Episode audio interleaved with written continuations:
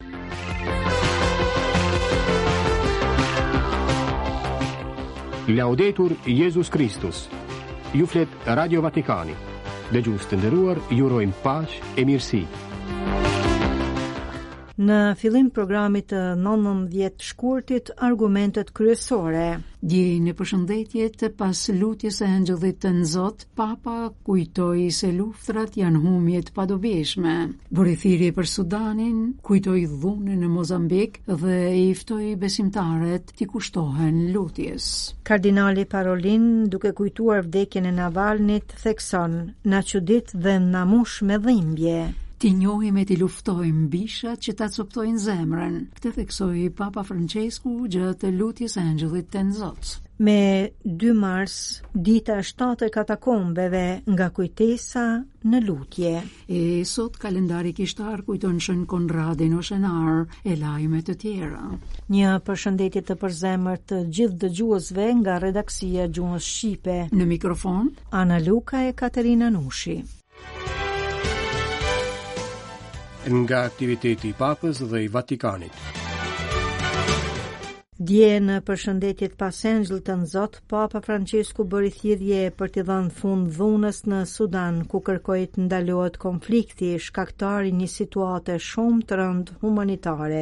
Po kështu edhe për Mozambikun verior, për të vijuar me kujtimin e Ukrainës dhe të Palestinës. Pasdite, fillimi i ushtrimeve shpirtërore me ftesën drejtuar besimtarëve t'i kushtojnë çaste të veçanta kësaj kohe kreshmore dhe përgatitore për jubileun, duke u lutur në prani të Zotit. Dhuna që shkatërron Sudanin për 10 muaj e që u përhap dhe në Mozambik e më pas konfliktet që përgjakin pjesë të tjera të botës si Palestina dhe Ukraina. Këto tregojnë qartë se lufta është disfatë. Françesku vijon ta kujtojë këtë gjë.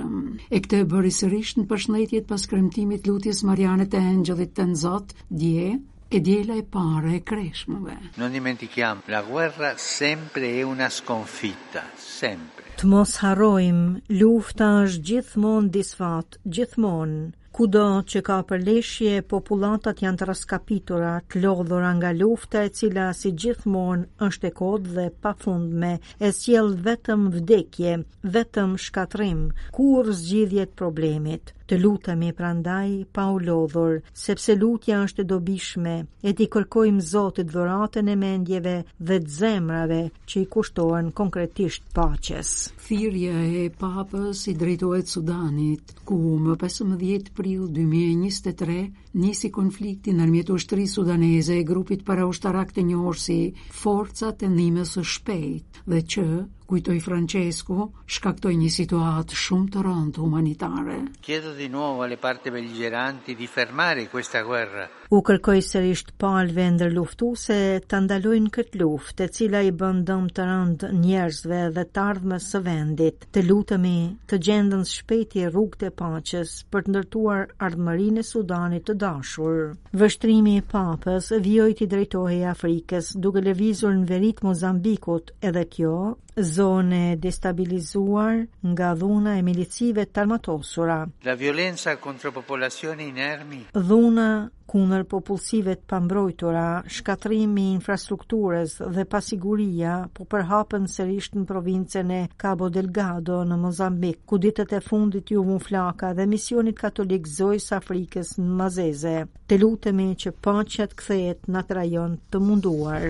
E zëri i Françeskut shtrihet nga Sudani dhe Mozambiku, Në të gjitha konfliktet e tjera që përgjakin kontinentin afrikan, si dhe pjesë të tjera të botës, në Europë për shembull, në Ukrainë dhe në Palestinë, duke përshëndetur besimtarët nga vende të ndryshme të botës, përfshirë dhe fermerët e blegtorët e pranishëm në shesh, Papa kujtoi se dje pasdite do të fillonte ushtrimet shpirtërore me bashkëpunëtorët e Kuries dhe i ftoi të gjithë besimtarët në këtë stinë të kreshmëve dhe gjatë gjithë këtij viti të përgatitjes për jubileun, që është viti i lutjes, t'i kushtojnë çaste të veçanta lutjeve në praninë e Zotit.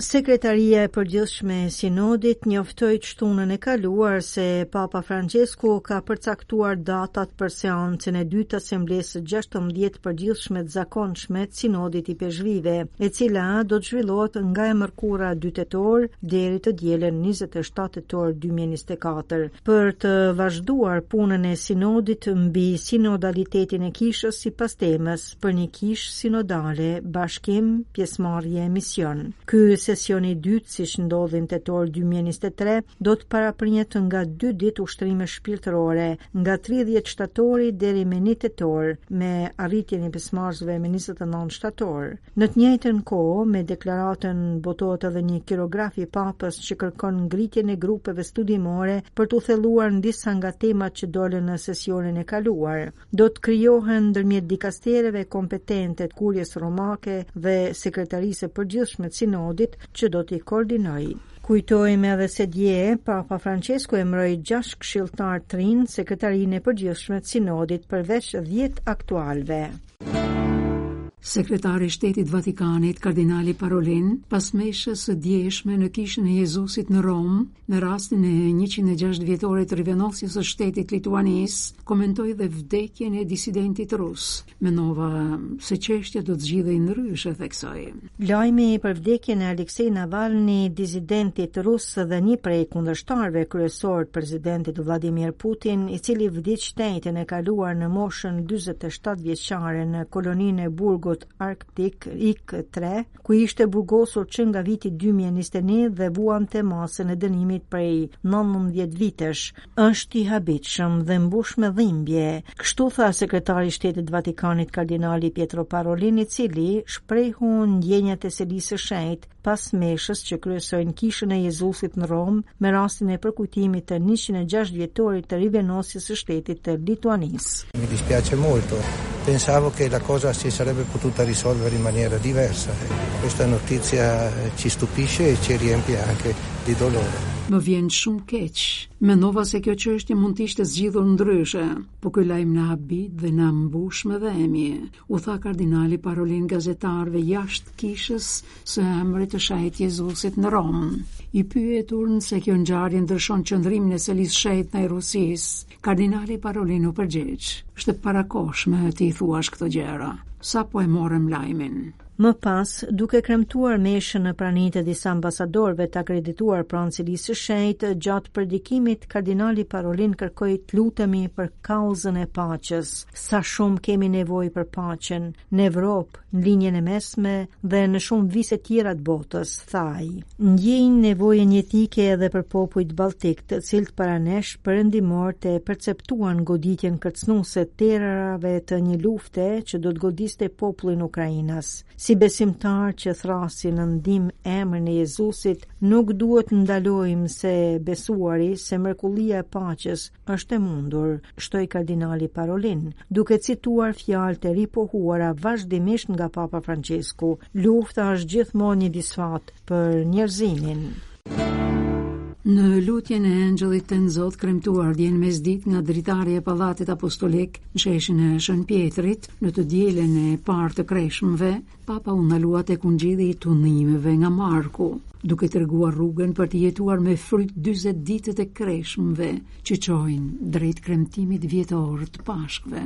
Dje ishte e diela e parë e kreshmëve. Këtë e kujtoi Papa Francesku duke nisur kështu takimin me besimtarët, hapi i parë drejt kryqëzimit, vdekjes dhe ngjalljes Jezu Krishtit Zot. Sot ungjilli, tha Ati i Shenjtë, Ne e paraqet Jezusin të tunduar në shkretëtirë, e teksti thotë, ai ndenji në shkretëtirë për 40 ditë i tunuar nga shejtani, e diela e parë e kreshmëve erdhi me ftesën të hyjmë në shkretëtirë, domethënë në heshtje, brenda vetes, duke dëgjuar zemrën, që rreh në kontakt me të vërtetën. Në shkretëtirë, shton Ungjilli, Krishti ishte me kafshë të egra dhe engjëjt i shërbenin. Bishat e egra dhe engjëjt ishin shoqëria e Jezusit Zot, vijoi Papa, por në kuptimin simbolik janë edhe shoqëria jonë. Kur hymë në shkretëtirën e shpirtit, mund të takojmë bishat e egra e engjëj. Në çfarë kuptimi? Nella vita spirituale possiamo pensarle Come le passioni disordinate. Në jetën shpirtërore mund t'i konsiderojmë si pasionet e çrregullta që na ndajnë nga zemra jonë, duke u përpjekur ta zotërojmë atë. Ato ndikojnë tek ne, duken joshëse, por nëse nuk jemi të kujdesshëm, rrezikojnë të na bëjnë copë-copë. Ne, vijoi të shpjegojë Papa, mund t'u japim emra këtyre bishave të shpirtit. Janë I vari vizi, la bramosia della ricchezza. Veset e ndryshme, etja për pasuri që të burgos në llogaritje dhe pakënaqësi, kotësia e kënaqësisë që dënon me shqetësim e vetmi, e akoma, lakmia e famës që lind pasigurinë dhe nevojën e vazhdueshme për dukje dhe protagonizëm, e kështu me radhë. Ato janë bisha të egra dhe si të tilla duhen zbutur e duhen luftuar, përndryshe do ta gllabërojnë lirinë tonë. Ju duhet të shkoni në shkretëtirë për të vënë re praninë e tyre dhe për t'u ndeshur me ta. U kujtoi Papa besimtarëve që e ndiqnin nga të katër anët e botës. E kreshmet janë koha për ta bërë këtë. Më pas do të shijoni praninë e engjëjve. Duke i kujtuar, Papa u ndalua tek shpirtrat engjëllorë. Ata janë të dërguarit e Zotit të cilët na ndihmojnë, na bëjnë mirë.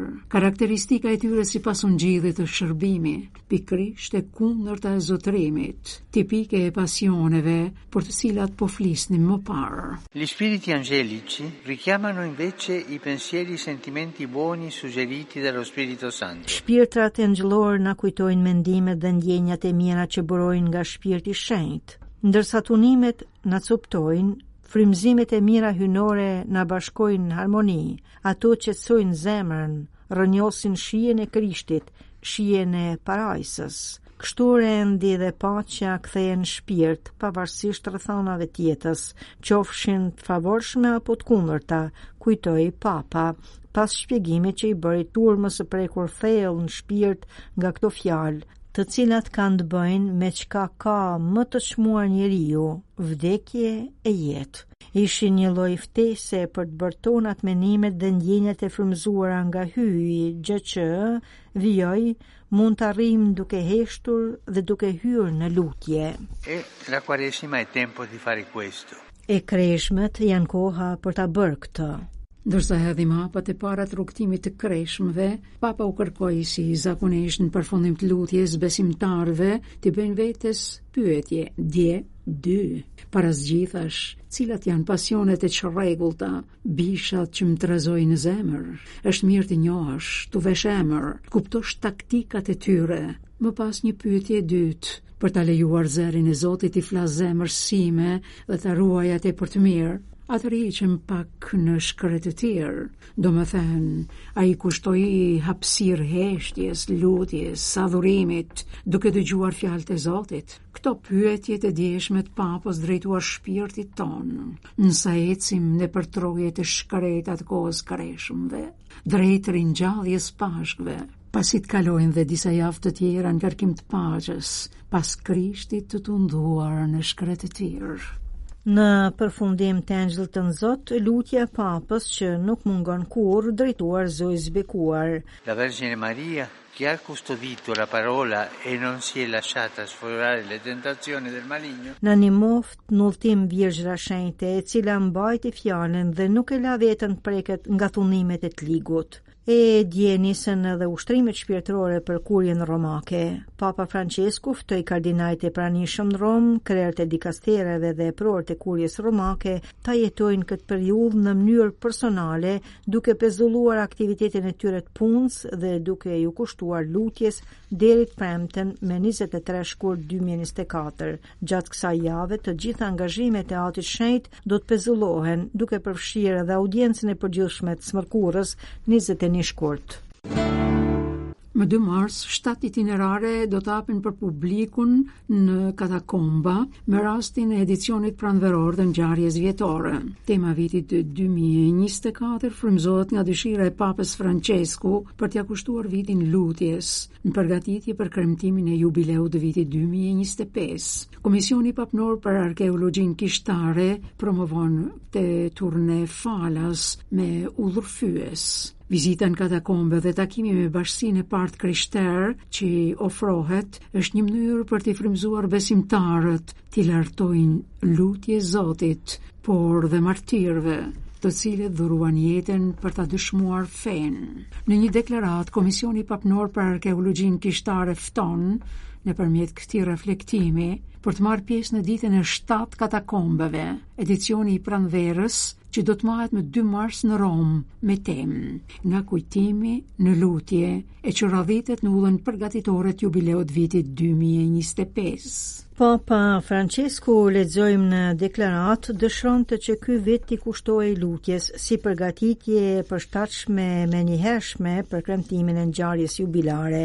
Vizita në katakombet e krishtera, duke na krijuar mundësinë të jetojmë një përvojë takimi me ngjarjet dhe dëshmitë e bashkësisë së parë të krishterë të Romës, na kujton njerëz, ngjarje dhe histori jashtëzakonisht domethënëse edhe të rëndësishme për të tashmen. Kjo kujtesë prekëse, e perceptuar dhe e përjetuar drejtpërdrejt, nuk mund të mos nxisë një reflektim të thellë e si rrjedhim për besimtarët edhe lutje, Lutje e drejtuar Zotit, Zotit të jetës dhe Shëlbuesit, por edhe dëshmorëve, atyre që dëshmuan fenë e tyre, shembulli dhe ndërmjetësimi i të cilëve na mbështet në këtë rrugëtim. Ndërmjet shumë figurave të dukshme në katakombet që lidhen me lutjen, deklarata citon atë të njeriut që lutet me krahë të lartuar drejt qiellit për ta lëvduar Zotin, për ta falënderuar, për të kërkuar ndihmë e mbështetje, çlirim dhe shpëtim. Figurë kjo e pranishme në kubikulin e Velatës në katakombet e Prishilës, vende që i ftojnë vizitorët të ndalojnë për një çast në heshtje e në lutje.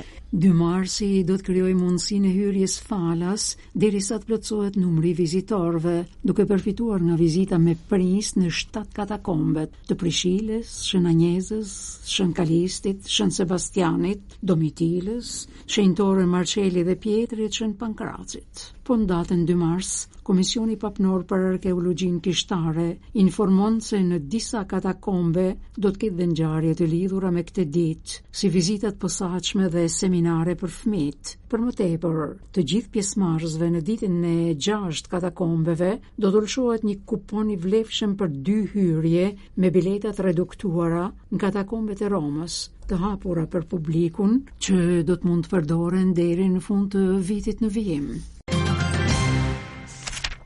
Sot, 19 shkurt, kalendari kishtar përkujton Shën Konrad Konfalonierin oshënar françeskan. Ky vetmitar françeskan na fton të meditojmë mbi rolin e fesë e të lutjes si mjetet më të sigurta për të ngadhënjyer mbi djallin dhe mbi pasojat e mbrapshta të tundimeve që vijnë prej tij. Konradi lindi në Piaçenca në vitin 1290 nga një familje fisnike e këndej jetonte sipas rangut familjar mes dëfrimeve e nderimeve. Në moshën 25 vjeçare, ndërsa ishte në gjueti bashkë me shërbëtorët e duke ndjekur një lepur që ishte strukur në një kaçube futi zjarrin mirëpo flaka e ushqyer nga era shkaktoi dëme të mëdha në tokat e afërta të mbjellura, e shkatërroi gjithçka. Duke mos arritur ta shuanin zjarrin, u kthyen në shtëpi plot trishtim. Kur lajmi u përhap në qytet, rojet e Galeazzo Viskontit, zotit të Piaçencës, shkuan në vend të ngjarjes e aty gjetën një njeri të cilin e fajësuan dhe e sollën në gjyq ku qe dënuar me vdekje, sepse dëmi ishte tejet i madh. Konradi u informua për dënimin e padrejtë, e liron fatkeqin, ballafaqohet me hidhërimin e reagimin e Viskontit, i cili duke mos pasur mundësi ta dënonte me vdekje, sepse ishte fisnik, i mori pasuritë e tij që kishte në qytet e jashtë, duke e reduktuar në varfëri të skajshme. Konradi i zhveshur nga pasuritë materiale të kësaj bote, vendosi t'i shërbente Zotit. Në përfundim të programit, ju urojmë një javë të gëzuar. Mirudëgjofshim nesër. Laudetur Jezus Kristus.